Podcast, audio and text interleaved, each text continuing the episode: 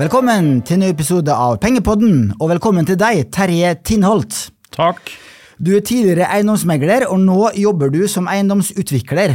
En mindre kjent side ved deg er at du har satsa en del millioner i aksjemarkedet med varierende hell. Eh, Alt dette skal vi snakke om i dag. Eh, aller først, hvem er Terje Tinnholt?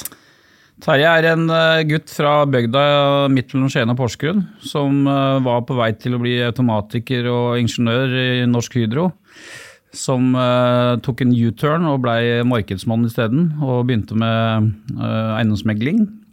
Ville egentlig bli utvikler, men eh, tok megling først, og det syns jeg var såpass gøy at vi var med på å bygge opp og ja, da hovedaksjonær i Nordic Partners. Bygde opp det til en av Norges største privateide meglerkjeder. Eh, kjempemorsomt. Så da var jeg 22 år, og da tenkte jeg nå må jeg komme ett skritt videre. Så gikk vi over til utvikling, fordi jeg fikk med meg fantastiske folk eh, rundt meg, så jeg var trygg og god. Og så kjørte vi på det, og har vært eh, i det nå i fem år. Uh, Er en, uh, jeg vil si en åpen og forsøker å være så ærlig jeg kan, engasjert, uh, hardtarbeidende mann med mye energi. Og passe velutviklet ADHD. Ja, for det er noe av det jeg liker ved din stil, etter å ha gjort en del research, hørt gjennom flere podkaster, det er at du er veldig åpen om de eh, tabbene og feilene du har gjort. Og det er det få eh, vellykka forretningsfolk som våger å være. Så her ligger det mye læring for andre, for det er, det er jo feilene, eh, både sine egne feil, men også andres feil, man kan lære masse av. Ja, det er riktig, og jeg prøver å være så åpen jeg kan.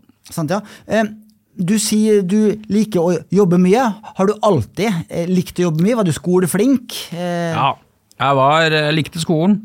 Jeg så på karakterboken tilfeldigvis og rydda på loftet nå for noen dager siden. og Der sto det 'Terje liker seg på skolen og er skoleflink gutt, men han prater altfor mye i timene'. Det- og det sto det på alle eh, kortene opp, opp igjennom. Så ja, jeg var eh, habil på skolen, ja. Og kom inn på automasjonslinje som var sånn passe vanskelig å komme inn på. Det var bare 20 plasser, eller 30 plasser eh, nede i Skien. Så det var rift om det, for at når du kom inn på den skolen, så var det sikret jobb. Da kom Norsk Hydro og Statoil og liksom bare hentet deg.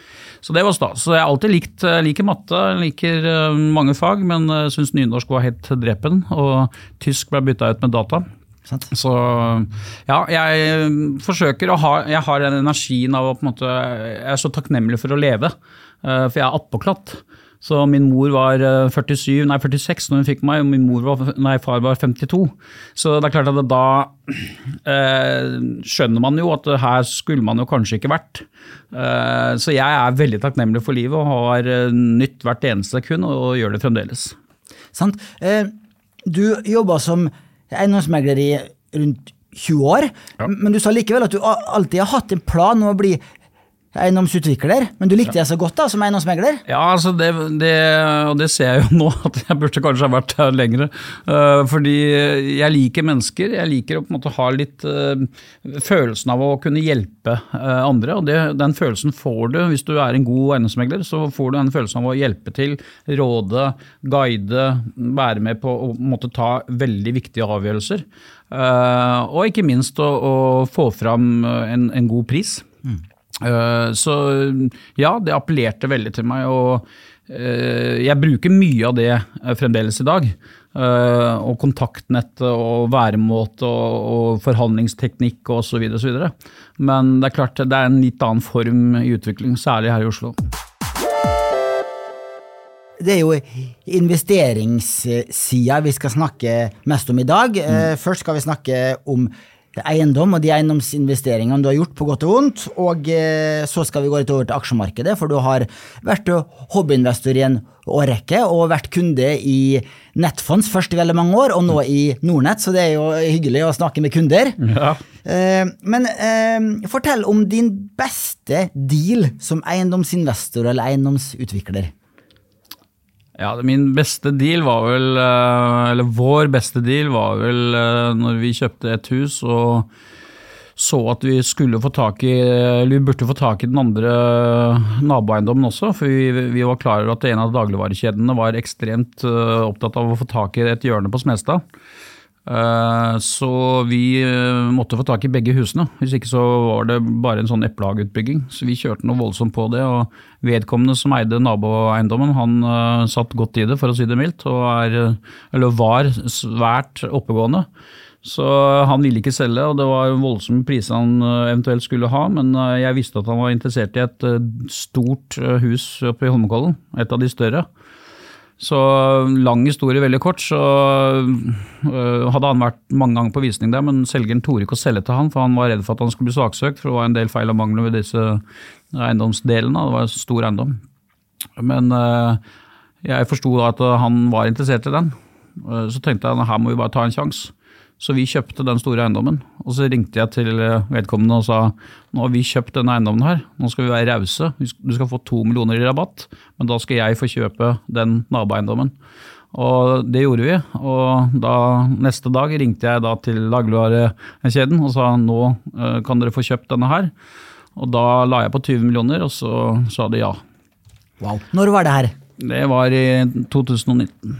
Oi, kult. Så det var helt i starten av Ja, det, er, eh, unnskyld, innhold. det var i 18 vi gjorde dealen. Mm. Ja. Det var helt i starten. Det var en av de første dealene vi gjorde. Og da ble det jo fyr på vogna, ikke sant. Da så vi mange muligheter, så vi sprang rundt som noen lille apekatter og prøvde å få kjøpt flere av disse hjørnene. Men det var ikke fullt så lett, da. Så, men det var veldig gøy. Så det var den første dealen. Det er, det er en bra deal, og så har vi gjort et par andre dealer som er litt anonyme, men som er på noe av samme nivåene. da. Men sånn som den dealen der, da. Hvis eh, han eh, som da til slutt var villig til å selge, hvis han da ikke hadde blitt med, så hadde du sittet med en, en dyr villa i eh, Holmenkollen Ja. og ikke fått kjøpe hus nummer to. Ja, men jeg tok en kalkulert risiko der, fordi jeg tenkte den eiendommen der vet jeg så noenlunde hva øh, var verdt. Øh, for helt tilfeldig så var jeg megler på den for ni år siden. Øh, og da visste jeg at øh, jeg skal nok klare å finne en kunde som minst betaler den prisen der.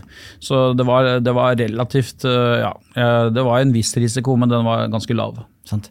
Eh, jeg tenkte kanskje at du ville svare kjøpet av Fornebu og hovedgård, som du også gjorde på rundt eh, samme tid. Ja. Også, Nei, det var senere. Det var litt senere. Ja. Mm. Fortell om den dealen, for det kom frem i media at eh, du og dine partnere tjente rundt 20 millioner der også på, på Ja, kort men der delte jeg jo. På den første dealen var jeg alene, Ja. så det var bedre deal for oss. Her tok jeg med meg Steg Eiendom, som for øvrig vi har gjort flere dealer med, så det blei delt, da. Og det var en, det var en, en trade som gikk ut på at jeg har jo bodd sammen med og vært nærmeste naboen med Jens Ulltvedtmo i uh, snart 18 år. Og vi, øh, jeg skulle jo egentlig bare hjelpe han med å kjøpe den, øh, men jeg syntes det var en fair pris, så, så vi takket ja til aksept av budet på saken. og Så ble det litt tumulter der hvor vi ja, ble litt uenige en liten periode, så det var litt varmt over hekken. Men øh, det var en, en bra deal, men det så ikke sånn ut når vi overtok. Eh, Fordi da tror jeg Ultveit Moe var veldig glad for at vi sto ved den avtalen. fordi da var det bekmørkt når vi skulle overta. Så uh, hørte jeg latteren fra det advokatkontoret uh, på andre siden av bordet langt over hekken, fordi uh, det var helt mørkt. Det, men vi sto ved avtalen. Det var pandemi, alt var lagt ned. Det var ikke mulig å få leid ut eller gjort noen ting med den eiendommen. Men vi, vi tok eh, dealen, eh, overtok den og hadde tro på at vi skulle få til noe. Så vi går da ut i, i leiemarkedet, skal forsøke å leie den ut. Lager annonser, gjør allting klart og kjører da på med, med, med visninger for å, å leie den ut. Men det var jo nokså stille, for å si det sånn. Eh, og det mm, eh, var jo rett og slett bare tilfeldigheter at det da kommer inn eh, en gruppering fra Oslo her som da har syndikert eh, et par ganger før, og innlemmer denne her i en annen eh, gård. Eh, syndikerer de to og selger dette til, til Hågeir Torgeir Grimsrud. Mm. Så det, det var rett og slett litt tilfeldigheter. Altså. For det var ikke meningen at vi skulle selge den tvert. Vi hadde et veldig spennende opplegg sammen med Arne Fredli, som har Munkebakken, og KLP. Hvor vi hadde plan om å lage countrystyle-leiligheter med tennisbane og svømmebasseng ut mot Fornebustranda. og hadde virkelig store planer. Hadde snakket med kommunaldirektøren i Bærum, Arthur Wøner. og ja, Vi kjørte ordentlig breiside til, for vi hadde en liten pause mellom aksept og overtakelse. Så der hadde vi ordentlig flotte planer. Men eh, så så vi jo at markedet endret seg, og vi var heldige som da fikk en eh, kjøper på Trond som, eh, som ga en, en, veldig bra sum. Mm. Det var omtrent på samme tid som Ultveit Mo måtte tvangsselge REC-aksjene sine? Ja, var, han måtte selge det en god stund føre. Uh, før dette her, og, og, jeg er jo uh, som sagt uh, godt kjent med, med, Jens, og vi har vært i mange selskaper sammen og har et svært godt naboskap. så det var i den forbindelse. Jeg var nok ikke helt klar over hvor øh, vanskelig han hadde det. Uh, men jeg så utfordringen med det lokale og Fornebu hovedgård, at han ikke trengte så stor gård. Så det var grunnen, rett og slett. Så, vi, så jeg prøvde å finne en kjøper til han faktisk, men så var ikke det så lett. Så vi prøvde bare å være fair på en pris som gjorde at han kunne komme seg ut og, og, og avvende den. Ehm, men det var, en, en, det var, i det momentet, men det var en, en stund etter at han ja, måtte selge. Mm, eh, eh, For her ligger det, jo, ligger det, jo, en viktig lærdom. Altså det å ikke satse for høyt, ikke ha for høy gjeldsgrad. Jens Hultvedt Moe har jo uttalt i etterkant at han solgte rekk på verst ja. Gunn, det, det, verste tidspunktet. Han kjøpte vel, han solgte vel aksjene på rundt én krone stykk, mm. og så solgte Røkke de for 17. 17, ja, sant? 17-gangen mm. på mm. ganske kort tid, og tjente mm.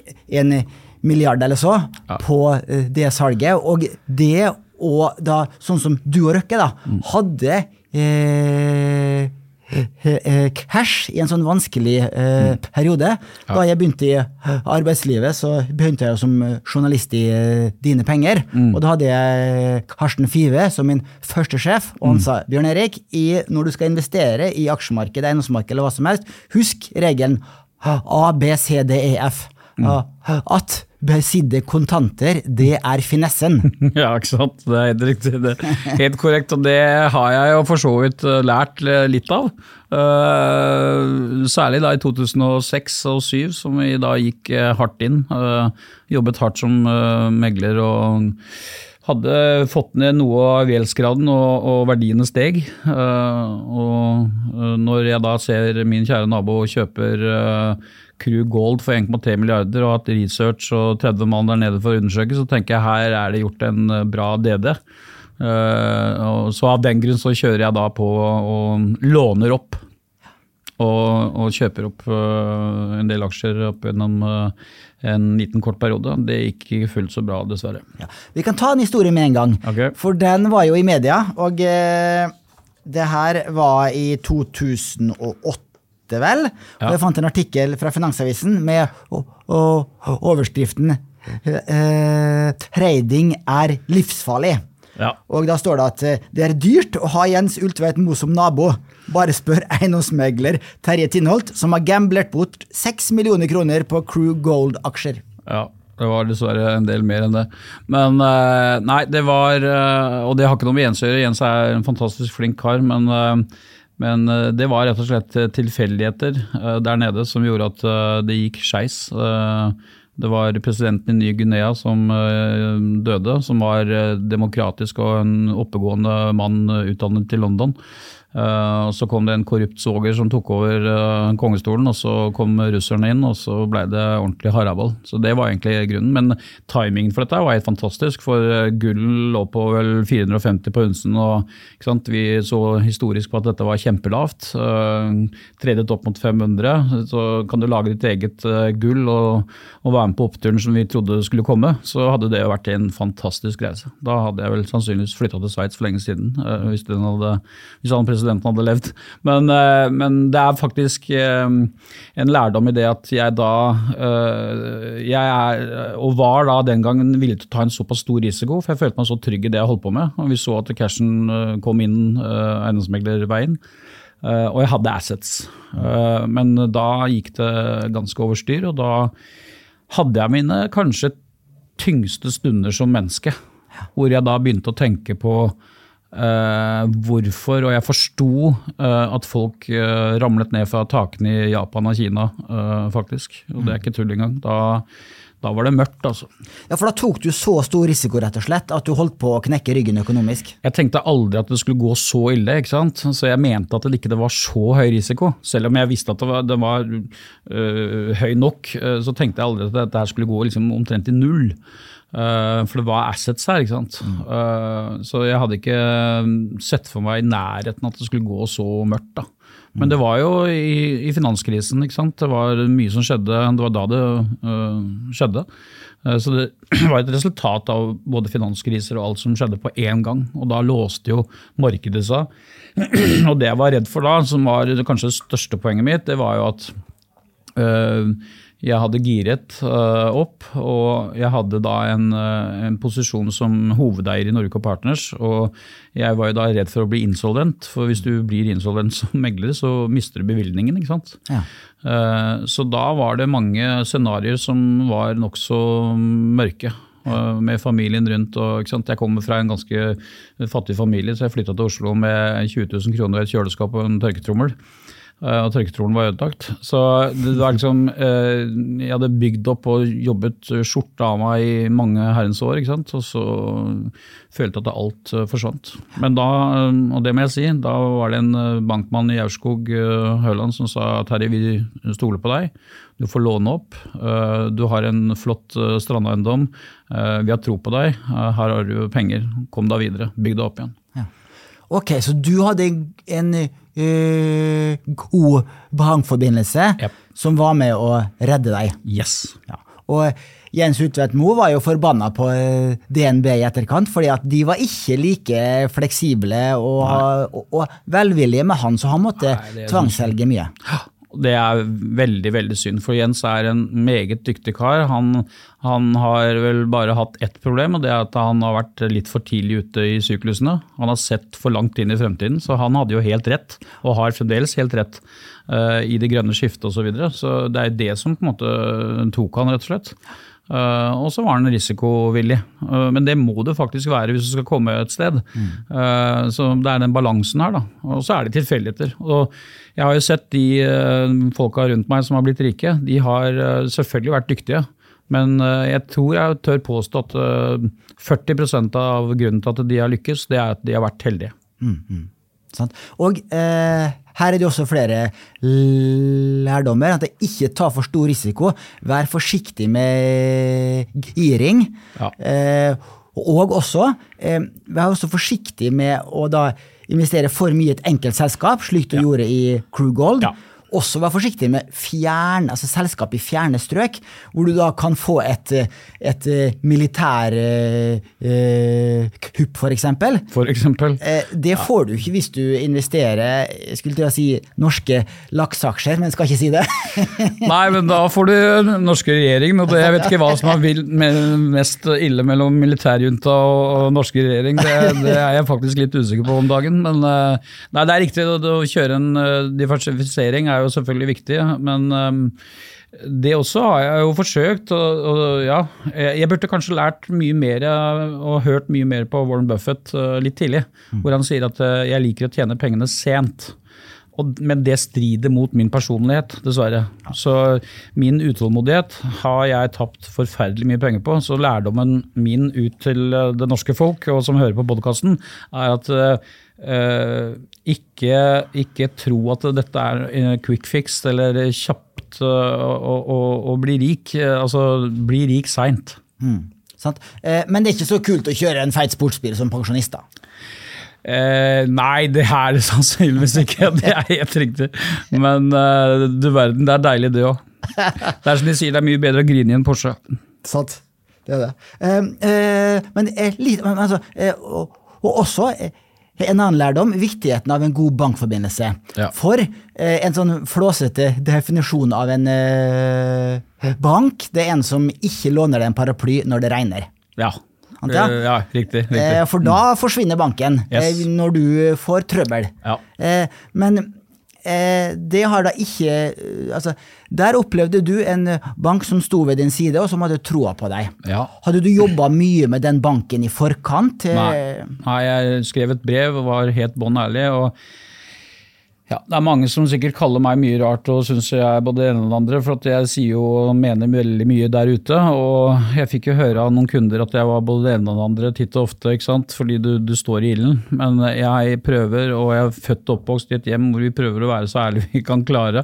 Uh, og, og stå rakrygga og, og stå for det du sier. Det er, eh, det er viktig, og, og, de hadde blitt kjent med meg, heldigvis. Og jeg, der var jeg heldig, da. Eh, hvis ikke så hadde dette raknet. altså, Virkelig. Da hadde jeg mistet. Jeg hadde, hvis de ville, eh, så hadde de kunnet dra unna teppet. For da hadde jeg mer gjeld enn jeg hadde assets akkurat den gangen. Mm. Uh, så jeg er veldig takknemlig for det den dag i dag. Mm.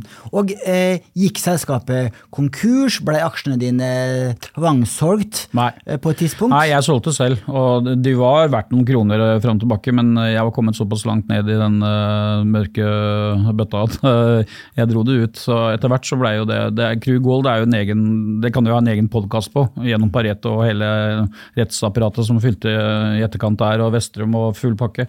Det, det er jo sikkert skrevet bøker om snart.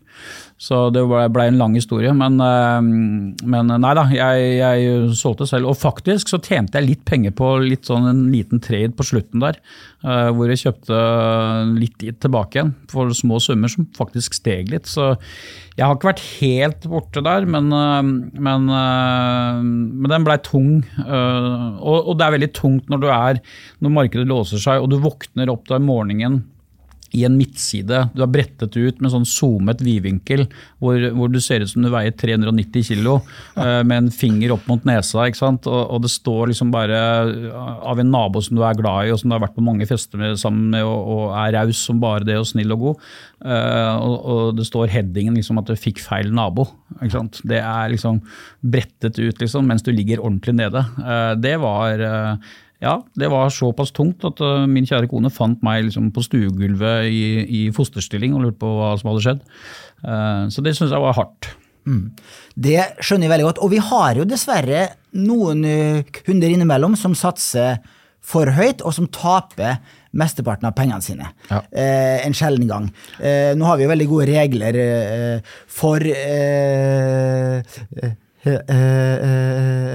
tvangssalg og sjekke at man skal ha en viss erfaring osv. Mm. før man tar opp et verdipapirlån. Men mm. innimellom så leser man om slike historier ja. eh, som da du opplevde. Så fortell litt mer. Hvordan klarte du å komme ut av den sumpen, når du da ligger på gulvet der og gråter, og, og kona finner deg? Ja. Hvordan kommer man opp?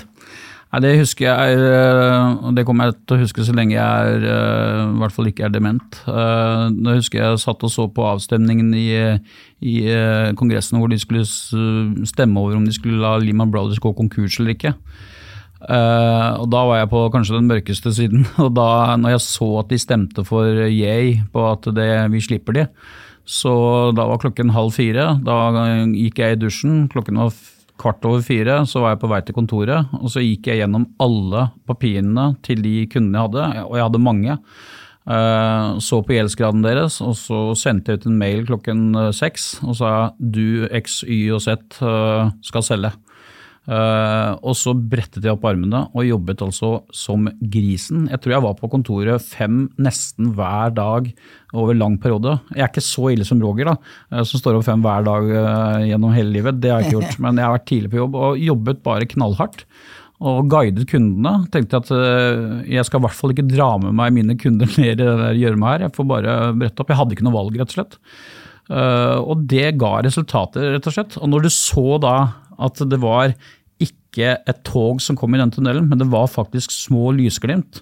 Så fikk i hvert fall jeg en, en utrolig motivasjon av å, å, kjenne på følelsen av at det går an å jobbe seg ut av ting. Eh, selv om markedet var helt beksvart, så, så klarte jeg liksom å, å, finne halmstrå som jeg klarte å bygge sakte, men sikkert opp. Da. Det tok jo tid, men eh, du verden jeg jobbet. Og at ikke jeg er skilt, jeg har vært gift med Nina i 23 år, eh, det er ikke min skyld. Og hun lot meg jobbe. Hun hadde unger, altså jentene hjemme, og det var kaos uten sidestykke, men hun lot meg jobbe, og takket være det så kravlet jeg meg tilbake igjen. Jeg har fremdeles en altfor høy gjeldsgrad i utgangspunktet, men jeg har til dags dato etter det aldri kjøpt eller solgt, nei, kjøpt aksjer med giring. Altså, det, det, har jeg ikke. Og jeg hadde en lang pause før jeg prøvde meg igjen eh, etter det. Og det med varierende hell, det også, selvfølgelig. men men eh, ja, lærdommen er at det går an, da, selv om du ligger nede. Eh, så er det er Tross alt så er det penger bare penger. Eh, å ta vare på livet og menneskene rundt deg er utrolig viktig. Mm. Eh, du var jo heldig som hadde en jobb med en høy inntekt, slik at du kunne bare jobbe alt du kunne, mm. og så strømma pengene etter hvert på igjen. Ja. Det er jo ikke alle som har den Nei. muligheten med å ha en jobb hvor, du, hvor det kommer inn mye penger hver måned. Nei. Nei da, og du kan si, men jeg hadde jo ikke noe fast jobb. Altså, jeg, jeg, har aldri hatt en fast lønn. Uh, utenom nå i utviklingssammenheng, så, så, hadde vi jo ikke noe fast lønn. Det var kun provisjon. ikke sant? Mm. Så, så, det var en risk, uh, dette her. Men heldigvis hadde jeg vært megler så lenge at jeg hadde en portefølje som, som tikket og gikk. da. Så, så, det handler om å på en måte dyrke det du kan best, mm. uh, og kanskje holde seg til det uh, i første rekke. Og gjøre investeringene uh, litt senere. og jeg skulle nok ønske at jeg hadde lært det også i den siste tiden nå, fordi jeg har da vært veldig forsiktig. Men nå i det siste så har jeg da tenkt nå må jeg høre på et knippe av de virkelige tungvekterne der ute i verden og de har jeg fulgt da ganske lenge. Blant annet Mike Wilson i Morgan Stanley, som jeg har stor respekt for. og um, Lyttet til han og mange med han. og ja, investerte litt i forhold til det. Ja, for du har gått litt short? Ja, gått litt short. Det kan du si, det Ja, det har gått Foreløpig så er jo det litt svart, for å si det sånn. Men men jeg tror det kommer, da. Jeg tror ikke eh, SMP kan være på det nivået her over lang tid. Men vi får se. Mm, mm. Ja, for eh, du, som du sa, du har, du har tatt opp igjen aksjehandelen litt de siste årene. Og du er ja, inn og ut av noen, mm. inn ut av noen aksjer. Kan ikke du fortelle litt om det? Ja, altså Jeg prøvde å være ekstremt forsiktig. så Jeg prøvde å lage en, uh, ha en sånn ti forskjellige aksjer. Uh, vi solgte en hytte midt i pandemiboosten. Uh, og, og, det kan jeg gi som råd. Når en fritidseiendom dobler seg i pris, så bør du selge. Uh, på, på hvert fall under tre år, så bør du selge. Og vi gjorde det, og tok eh, noen av pengene og plasserte da i, i uh, aksjer og, faktisk også fond. Obligasjonsfond av alt. Mm. Uh, så det gikk jo for så vidt greit, men har gått litt mørkt i det siste. men Heldigvis så, så, brukte jeg også en del av pengene til å kjøpe en, en ganske morsom eiendom oppe i nord. Eh, så jeg har prøvd å diversifisere meg her.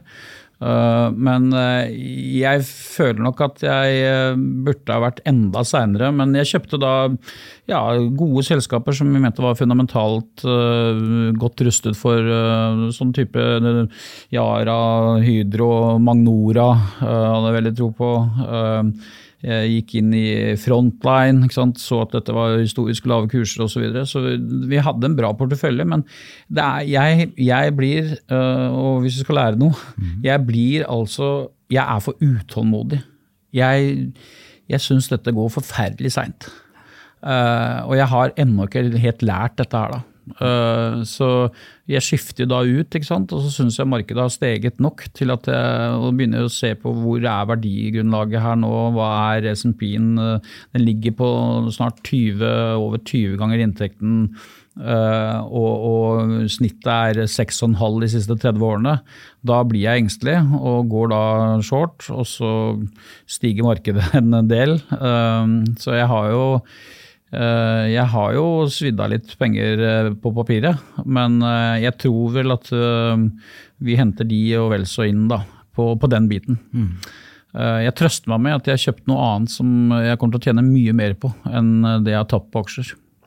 For eh, du har jo din ekspertise innenfor eiendom, sånn at eh, eh, du har definitivt gjort det bedre investeringsmessig i eiendom enn i aksjer. Jeg burde absolutt holdt meg bare til det, men, men det ble, for det første er det jo litt langdrygt, og så er det det at du, du også er eksponert mot en, øh, ett felt, som gjør at jeg forsøkte et par andre områder, som aksjer og obligasjoner.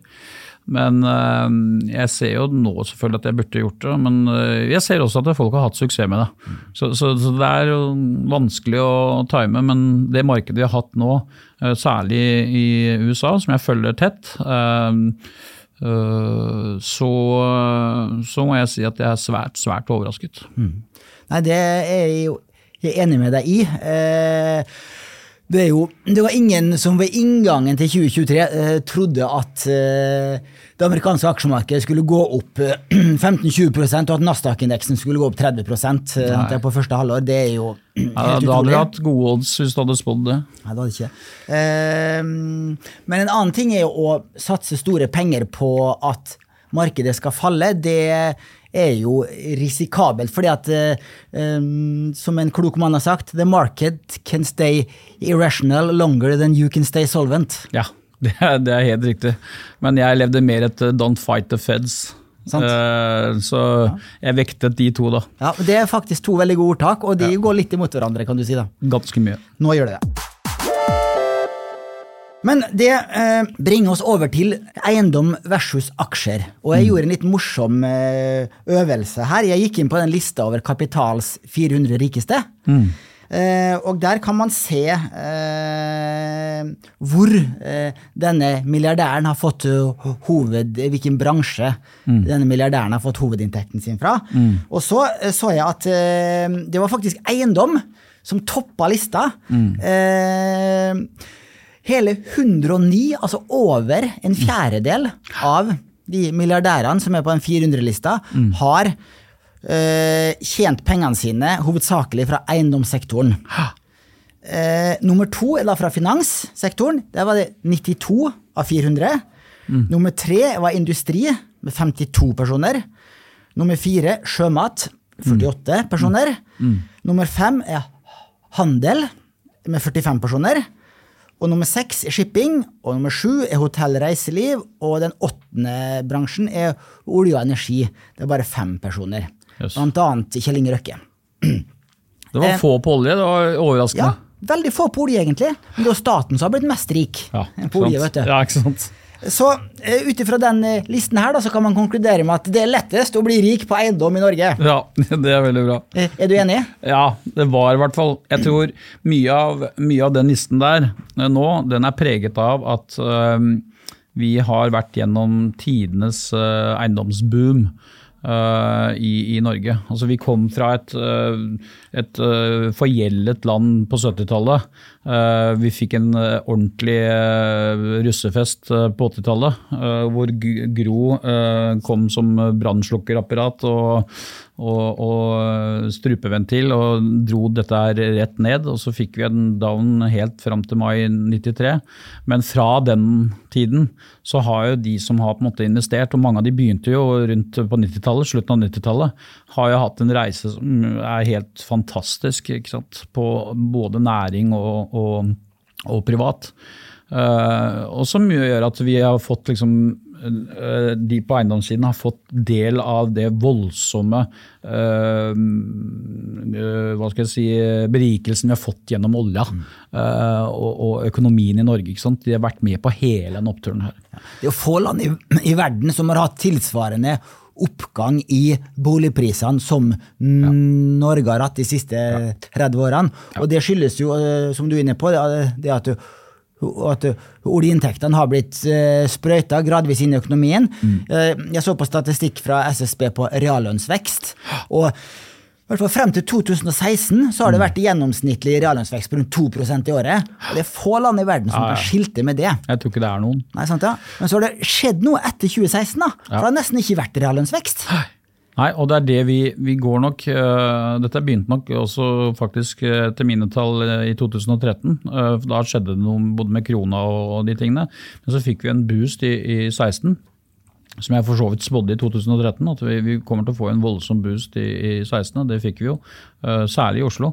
Uh, så har det skjedd noe etter det, og det er helt riktig. Uh, det har selvfølgelig gått oppover, men, men realsett, verdimessig sett, så er det flatet ut. og så går vi inn i en tid nå som jeg må jeg si at jeg er litt betenkt på, uh, særlig med hensyn til uh, hvordan regjeringen styrer og, finanspolitikk og pengepolitikk og alt sånt nå i en stor suppe, som uh, går i motsatt retning, og som vi nok trolig må slite med en litt lengre stund enn etter finanskrisen. Mm. Uh, og det gjør at uh, sett, i etter, sett i bakspeilet nå, så ville jeg jo sagt at uh, jeg burde nok ha vært sittende i meglerstolen en, en, periode til. fordi at man skal alltid selge og kjøpe bolig, så det, det markedet tikker og går. Men utviklingssiden den blir mer utfordrende. Jeg liker utfordring, så det er ikke det. Men, men uh, selve markedsgrunnlaget, premissene, politikken rundt dette her, særlig da i Oslo og østlandsområdet, har forandret seg ganske mye. Det er mye lettere å tjene penger på eiendomsutvikling hvis det generelle markedet stiger med 5-10% i året? Det er det absolutt. Men uh, Ja da, absolutt. Men her, uh, her har man nå fått parameter som ja, som er eh, tunge å bære for en utvikler. Og, og, vi kommer til å se mange konkurser fremover. Eh, fordi eh, eh jeg, eller jeg tror ikke veldig mange hadde budsjettert med pandemi, 30 byggekostøkning, eh, ekstremt mye kjappere økt rente. Uh, og i tillegg en krig, og oppå det igjen for å krydre det hele, så la særlig da i Oslo og Bærum la de ned småhusplanen. Uh, det hadde ikke jeg budsjettert med, i hvert fall. Nei, sant. sant. Um, og så uh, som du sa, at det har jo vært en eventyrlig oppgang i eiendomsprisene, og det har da gjort det veldig enkelt å tjene penger på eiendom. Ja, det er ikke, det er ikke bare det er den kombinasjonen at man har hatt byggekost som har vært veldig stabile, eh, og så har eiendomsprisene steget. Så hvis, hvis byggekostnadene hadde gått opp uh, tilsvarende uh, som de nå gjør, eller nesten vice versa, så hadde ikke det vært den oppturen. Men byggekosten holdt seg så lav. Vi fikk importert arbeidskraft, billig arbeidskraft. Vi holdt byggekostnaden såpass kraftig nede. Og eh, boligprisen steg eh, i snitt 7,8% hvert år, eh, særlig da i østlandsområdet. Det er der verdiøkningen til mange av de store aktørene har vært over en lang stund. Og det begynte faktisk i 2003-2004. Det var da det startet. Eh, så mange har høstet voldsomme verdier på det, og jeg kjenner jo mange utviklere som sier at vi orker ikke mer. Det er, det er, vi, vi, kommer ikke til å tjene penger på lang tid. Det er et helt totalt annet marked. Eh, de har tjent gode penger, så de eh, treder aksjer og sitter og koser seg med andre investeringer. Men boligutvikling nå fremover, det, det, er, det er, for spesielt interesserte, og som er ordentlig skreddersøm. Altså. Mm. Det er også interessant å se på eh, Nå finnes det kanskje ikke en offisiell prisindeks for tomtekostnadene. Eh, for det som skjer når boligprisene stiger kraftig over lengre tid, mens byggekostnaden ikke øker tilsvarende, da er det tomtekostnaden som er mm. residualen, ja. som skyter i været. Helt riktig. Og der har du hatt enorm verdistigning. Ja, ja helt sinnssykt. Og, og, og, det sliter vi jo med ennå, ikke sant. Fordi eh, mange eh, regner jo da tomteverdien sin som den største biten. ikke sant? Huset oppe er nesten ikke noe, noe verdt, men eh, i enkelte tilfeller i hvert fall. Men, men, vi ser jo nå at det, det, må reprises, rett og slett, hvis vi skal få dette til å gå i hop. Så det er helt riktig. Mm. Eh, eh, når det gjelder hvilke egenskaper egenskaper man bør ha som eiendomsinvestor. Så så jeg et uh, intervju av uh, eiendomsinvestor og eh, trønder, og være styreleder i Rosenborg også, eh, Ivar eh, Hoteng, ja. som uttalte til VG i 2017 at eh, det er de dumme som gjør det best innen eiendom. Ja, og derfor jeg begynte i eiendom. Bare, det må jo være helt, det, altså Jeg har jo alle forutsetninger for å bli styrtrik i utvikling, så det var jo stort, en stor del av svoppen, for å si det sånn. Nei, altså det, ja, det, jeg tror det er, det er nok riktig, fordi jeg, har jo hatt mange som har tjent gode penger, og som jeg vet jeg hadde i hvert fall litt bedre snitt på skolen uh, sammenlignet med, men, men de, uh, de uttalelsene der er, eller har vært korrekt fram til jeg vil, si, jeg vil påstå de var riktige helt fram til 2017, kanskje. mens nå er det, det er et skifte, altså, uten tvil. Det er de som har tråkket på gassen nå for mye, og jeg kan være en av de, de sliter. Mm.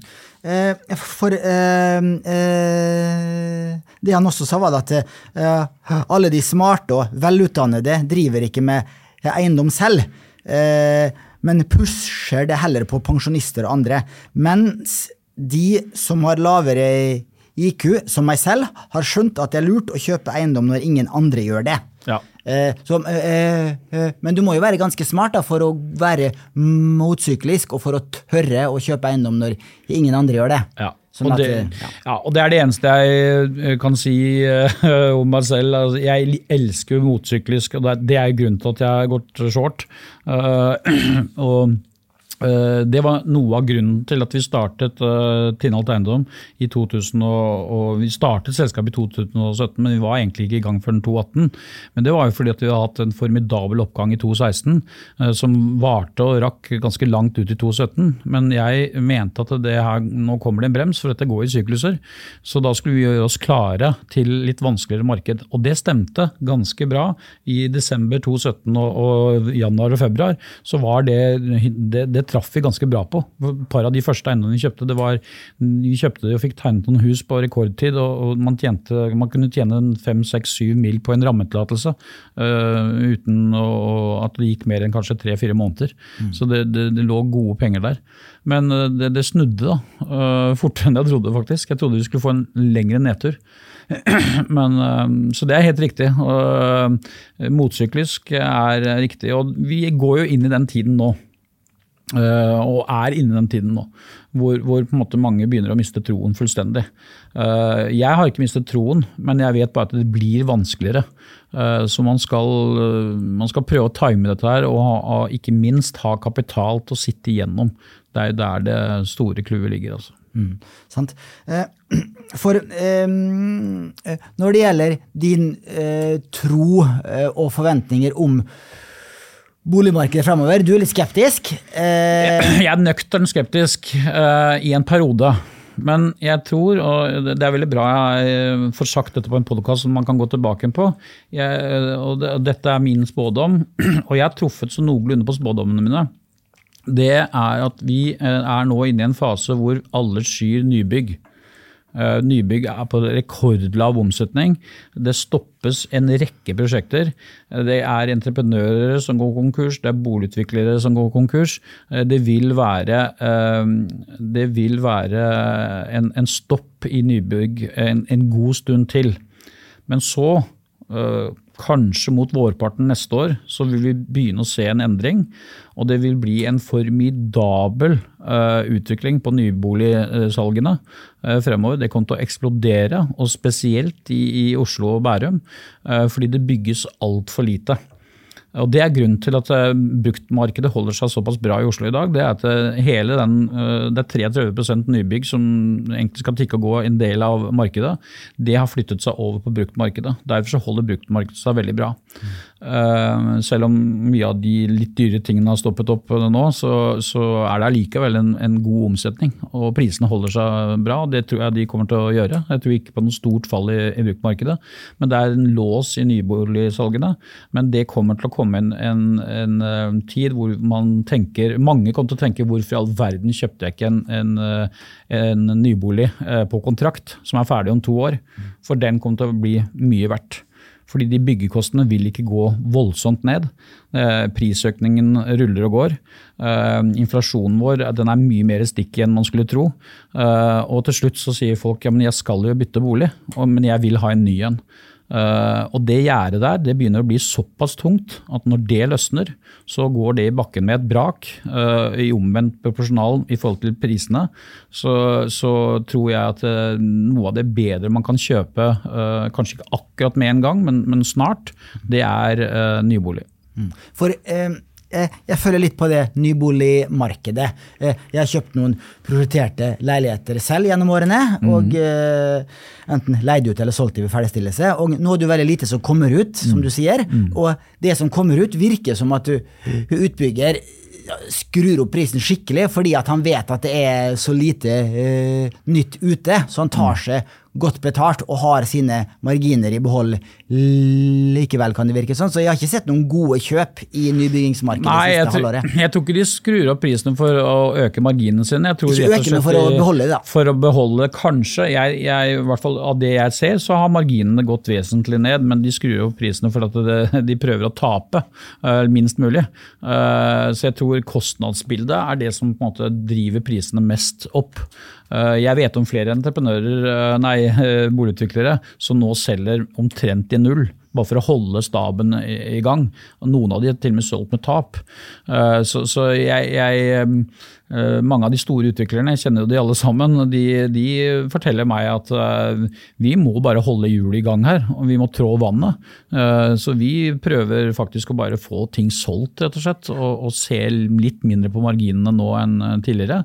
Så har de heller lagt andre prosjekter på is, som de håper de kan ta igjen etterpå. da. Uh, og det tror jeg faktisk de kan gjøre. Så uh, vi, vi, skal i gang igjen, men vi, vi, er nok ikke i gang igjen før vi ser en, uh, utflating og en riktig vending på inflasjon og rente. Mm -hmm. Vi spiller jo inn den poden 21.6, og den publiseres i midten av juli. Så bare ja. så det er sagt, sånn at ja, ja, hvis det kommer nye tall etter innspilling, så er det For i dag så kom det nemlig nye tall på fritidsboliger. Ja. Eh, vet ikke om du så de? Eh, de var ned rundt 4% i første halvår. Eh, og hytter ved sjøen falt mer rundt 7 eh, En hytte på fjellet som falt rundt med 3 ja. Eh, jeg sa det her i fjor høst. Da hadde jeg en podkast med hun eh, Neira ja, Matsic. Ja. Eh, og da sa jeg at jeg tror at hyttemarkedet kommer til å falle med 20-25 ja. noe det neste året og to, pga. Mm. den eh, renteomgangen vi nå står eh, midt oppi. Folk mm. selger fritidsboligen sin før de selger huset sitt. Mm. Eh, og da vil og eh, veldig mange har investert nå med mye lån i hyttemarkedet. Og det var hun ikke enig i. Mm. nå er det jo et et eh, første tegn da, på at hyttemarkedet begynner å falle litt. Hva ja. tror du om hyttemarkedet? Jeg, jeg, jeg, tror, eh, jeg, tror, at hyttemarkedet altså Ved sjøen så faller det litt mer, for det er litt mer dynamisk. Det er litt mindre uh, antall enheter. Og mange av de er priset ekstremt høyt, så du vil få et større utslag der, for du har en mindre teller. men jeg tror nok ikke vi faller såpass mye som 25 det tror jeg ikke. Men vi vil få en, en nedgang, kanskje på en 8-10 uh, før det liksom flater ut. På fjellet så er det mange flere enheter i mange større kategorier prisfelt. Så det vil på en måte være med på å dempe prisnedgangen. Men det er mange som må ta store tap, og enkelte hytter må ned 20% som har overpriset seg fullstendig. Men jeg tror nok at det kommer helt an på hvor mye regjeringen klarer å rote det til. Eh, hvor tøffe Ida vil være på, og sentralbanksjefen vår vil være på renta. Eh, hvor hardt vi, vi sitter i det. Fordi det er klart, jo, jo, hvis de går inn for å virkelig ødelegge dette her for å få ned inflasjon, så kan du få rett. Eh, men jeg håper jo nå på at det blir en litt mykere landing. Eh, det er mange som har ennå greit med likviditet, og som kan stå igjennom. Og så er det det at jeg tror ikke vi opplever det som vi opplevde på eller under finanskrisen. Da var det et kollektivt sammenbrudd. Fullstendig. Det var et systembrudd.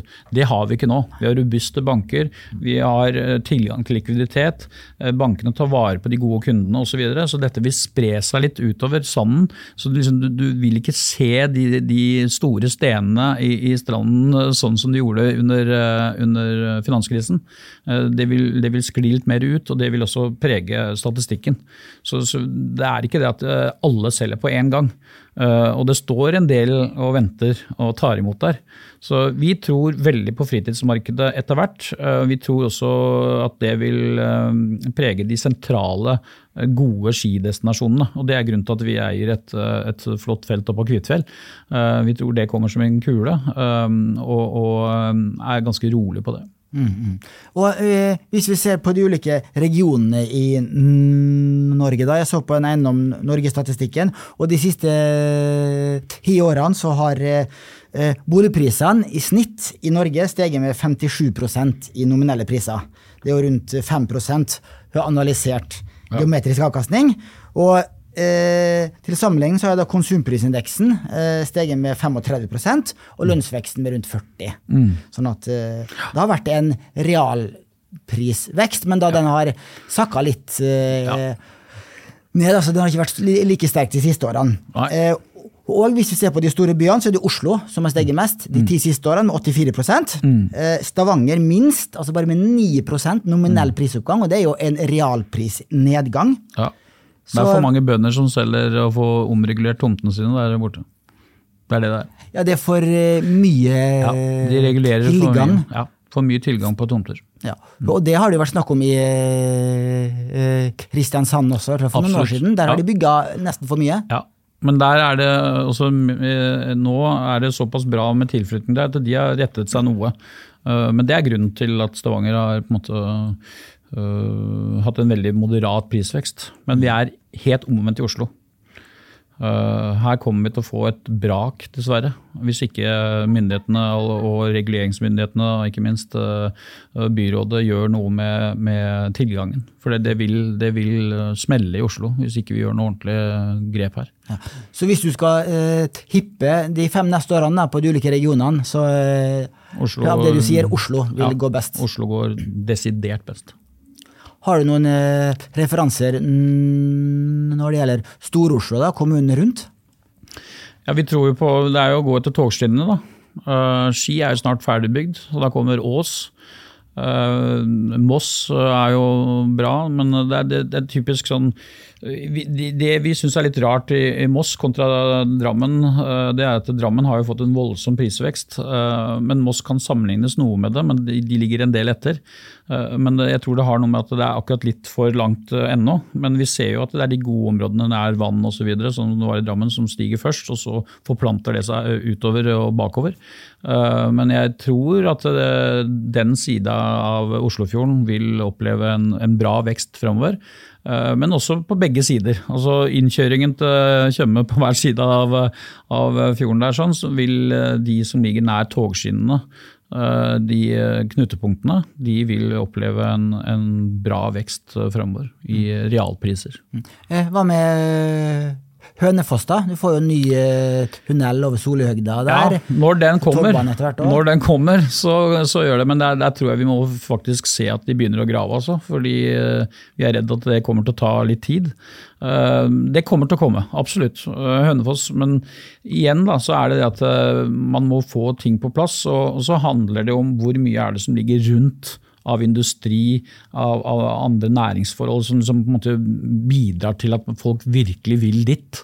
Uh, og ja, jeg har tro på Hønefoss, men uh, jeg tror tyngdepunktet ligger dessverre litt mer sydover. Altså. Ja. Så bra. Da tror jeg vi skal runde av, vi. Ja. Eh, men et siste spørsmål. Eh, vi har jo mange unge lyttere ja. eh, som er har en interesse for investeringer i både aksjer og eiendom, så har du noen råd til en ung student eh, som eh, vil gjøre karriere både i arbeidslivet og som eh, investor? Ja, Da sier jeg ikke vær som meg, ikke vær veldig utålmodig. Gjør grundige undersøkelser. Ikke ta høy giring. og sitt rolig når det ser svart ut. Eh, ikke bruk alle pengene på ett sted. Ha litt i reserve, for det går alltid litt ned. Mer enn du tror. Og Da kan du heller kjøpe litt mer når det gjør det. Så kan du glede deg over det, men ha litt på kystebunnen som gjør at du eh, har noe til en regnværsdag. Det vil du kunne tjene på. Det var gode råd avslutningsvis. Tusen takk for at du kunne komme, Terje. Og ha en riktig god sommer. I likeså. Takk, takk. Takk til alle som hørte på.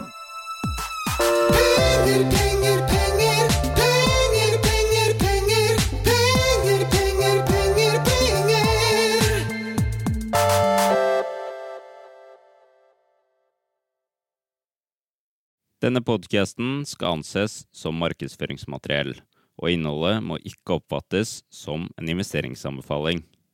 Podkasten er kun ment til inspirasjon og informasjonsformål.